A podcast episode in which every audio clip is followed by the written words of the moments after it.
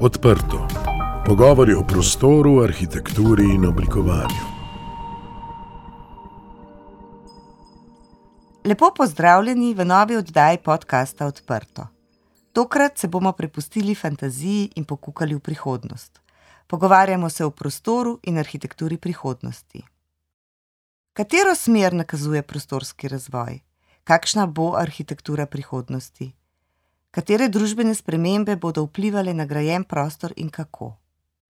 O tem se pogovarjamo z Ono Hork Strateren iz Zukunft inštituta, ki že 25 let s pomočjo družbeno-demografskih trendov zreva prihodnost. Ikonični film iz leta 1982, Iztrebljevalec, je postavljen v Los Angeles naše sedanjosti, v leto 2019. Ustvarjalci filma so vele mesto in družbo prihodnosti v nekaterih pogledih upodobili pravilno, v drugih pa napačno. Naprimer, pravilno so napovedali, da bo videoklic povsem vsakdanja praksa. Prav tako so zadeli, da bodo stanovanja postala zelo majhna. Glavni lik živi v mikrostanovanju. Zmotili so se glede naprednih robotov, ki jih na prvi pogled praktično ni mogoče ločiti od ljudi in pa glede klasike skoraj vseh futurističnih vizij, letečih avtomobilov, katere še vedno vsi nestrpno pričakujemo. Filmi o prihodnosti so skoraj edini ver, ker lahko uzremo vizije ali pa ideje o tem, kako bo v prihodnosti izgledala arhitektura. Pri tem gre največkrat za preambiciozne ali pa drzne predstave, ki se le redko izpolnijo, oziroma je potrebno več časa, da se realizirajo, saj se prostor v resnici spreminja zelo počasi. Kako potem ozreti realističen pogled na prostor prihodnosti? Ena od možnosti je slediti družbeno-demografskim trendom in razumeti, kako lahko ti vplivajo na prostorski razvoj. S tem se ukvarja današnja sogovornica, ki nas bo popeljala v arhitekturo prihodnosti in nas hkrati prizemljila v pričakovanjih, da nas ne odnese predaleč. Hello, Ona. Hello, Lenka. Thank you very much for joining us tonight. Here in Vander Hotel. Uh, we are going to talk about the future living in built environment. Uh, you are working as a researcher at the Zukunft Institute. So, what was so interesting about the future for you? Not now in a professional way, but first in this personal way, maybe. That's a very difficult question. I've never thought about that. I always think about the future in terms of my work, in terms of architecture, in terms of cities. Um, but I've never really thought about why I'm interested in the future. Um, I think maybe because of um, when I met my husband, he was very um, interested in science fiction and the future, and so we discussed a lot. And then through our studies and through meeting, we, we set up our institute. And we just started thinking about how our pictures of the future are, how we could make a better future. And so we set up an institute in Hamburg called Trend Bureau, and then it evolved and changed and became the Zukunft Institute. And we've been working 25 years with futures. We started off with more like small trends, but now we work with big social demographic trends. So we've really kind of evolved and grown, if you like. It's really interesting because future is something that bothers everybody, and every, we all think about the future, what is going to happen, especially uh, in architecture. So, in your Zukunft Institute, you identified 12 megatrends that are happening in societies across the whole world. How did you decide on the specific megatrends and what criteria did you use to identify them? Yeah, the 12 megatrends, they're like the big, you could say, a revolution in slow motion. All these trends something that have kind of grown, if you like, organically, how we've observed trends over the years, and then they've grown together in clusters, and each cluster is a particular megatrend. So, for example, we see megatrend urbanization, or megatrend women, or megatrend um, ecology. So, these are all trends which have kind of conglomerated, which have grown together over the years. But what's interesting about the trends, all these mega trends, is they're all interconnected. So you really can't think about one mega trend without, if you want to benefit from it or if you want to understand it more, think about its connection to all the other mega trends. So, for example, what happens with ecology and urbanization? So we now we see the trend to greener cities. So we can see how the trends connect and how there are parallels. Um, it's a kind of very three dimensional. You think of it like a big, the way we draw it, in fact, is like um, an underground map. If you think of the underground map of London or New York, and that's how we see it. So each of the different megatrends are a different color, like a different train line, and they all kind of interconnect. And there are lots of little stations, and all the little stations are different little trends, which make up the bigger trend. So that's how you have to visualize it. Nice. Uh, megatrends are shifts that occur in societies. Uh, they show us changes on how people live, how people function, how do we communicate, how we socialize, and so on. How do these changes impact the built environment, architecture, and the construction industry? Or maybe vice versa, mm. that the building environment impacts the communication, the way we live? I think it's very much a two way process. And I think the challenge now for our society is to work with better architecture to, to improve the life quality of people.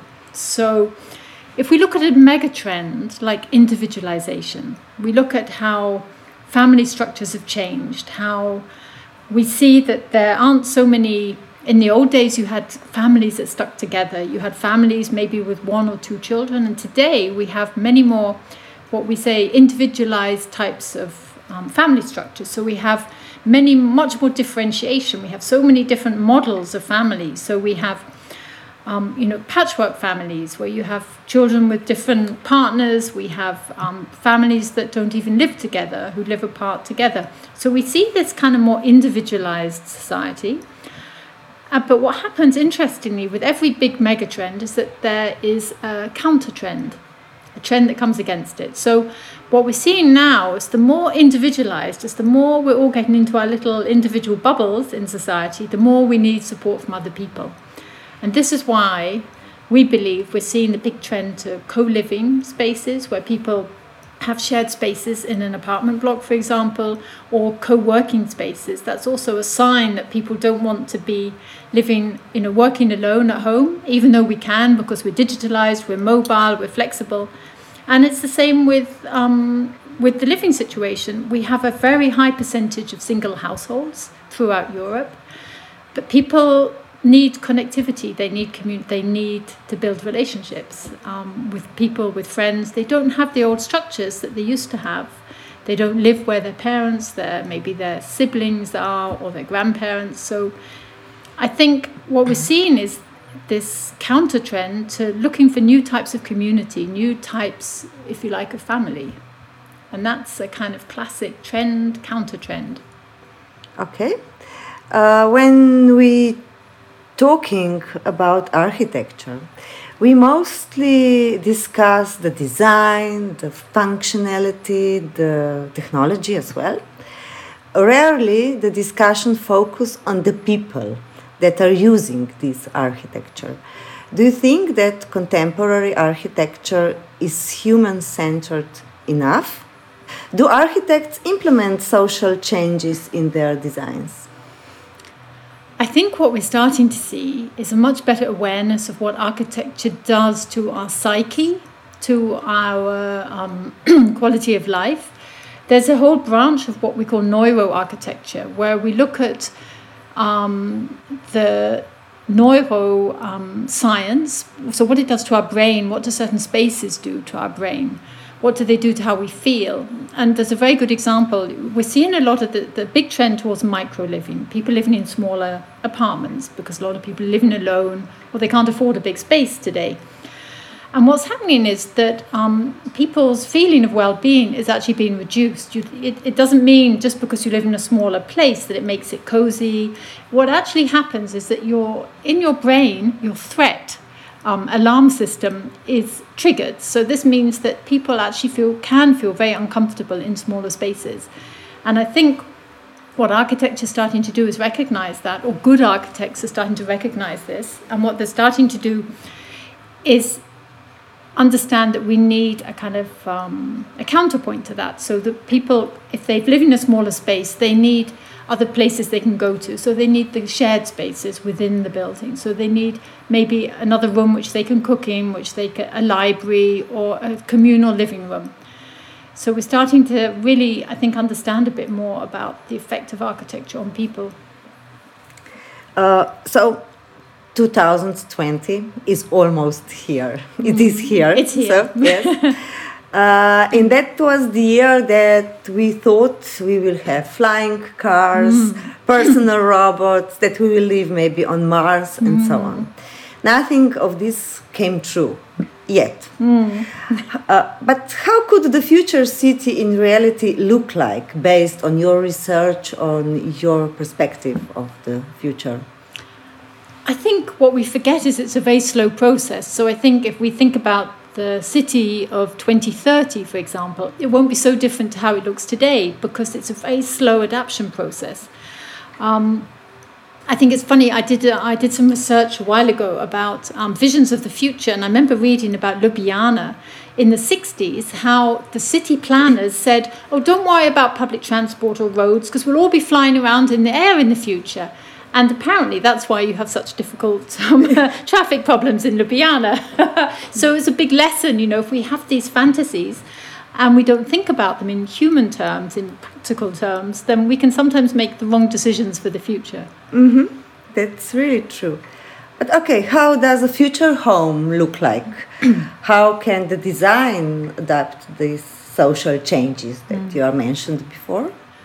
What I think, if we want the ideal home of the future, we have to think about building more ecologically.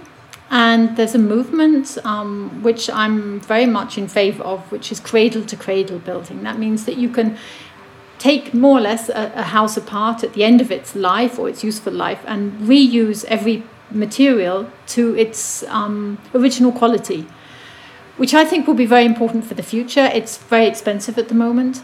Um, and I think what we're starting to see is a bit of a backlash against the so-called smart home.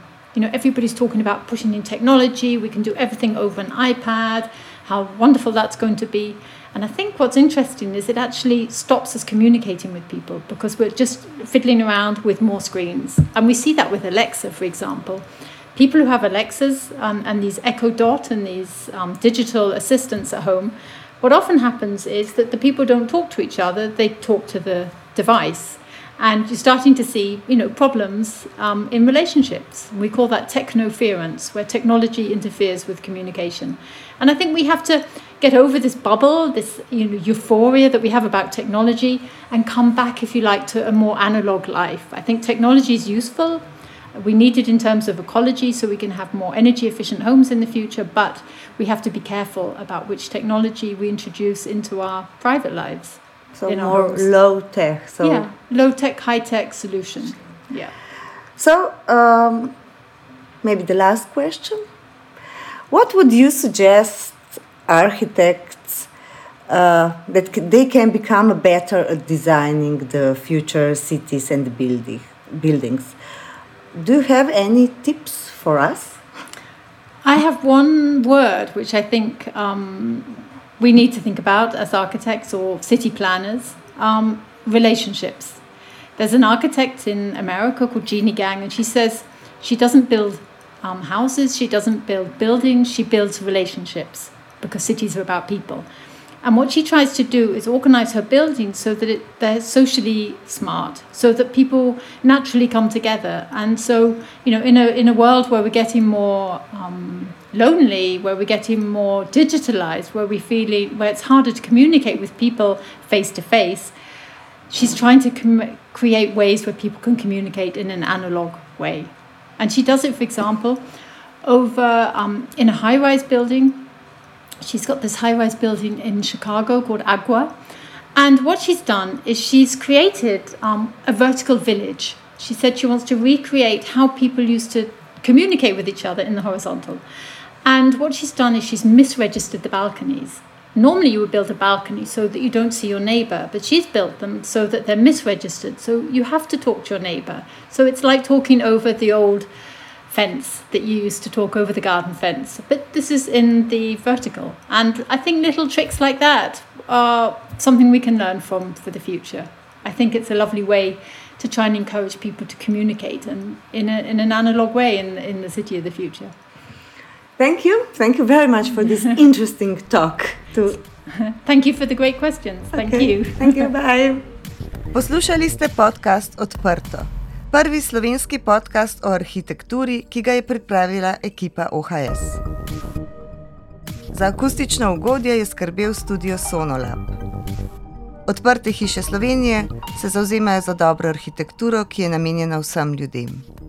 Prisluhnite nam vsakič, ko boste v prostoru želeli izvedeti več.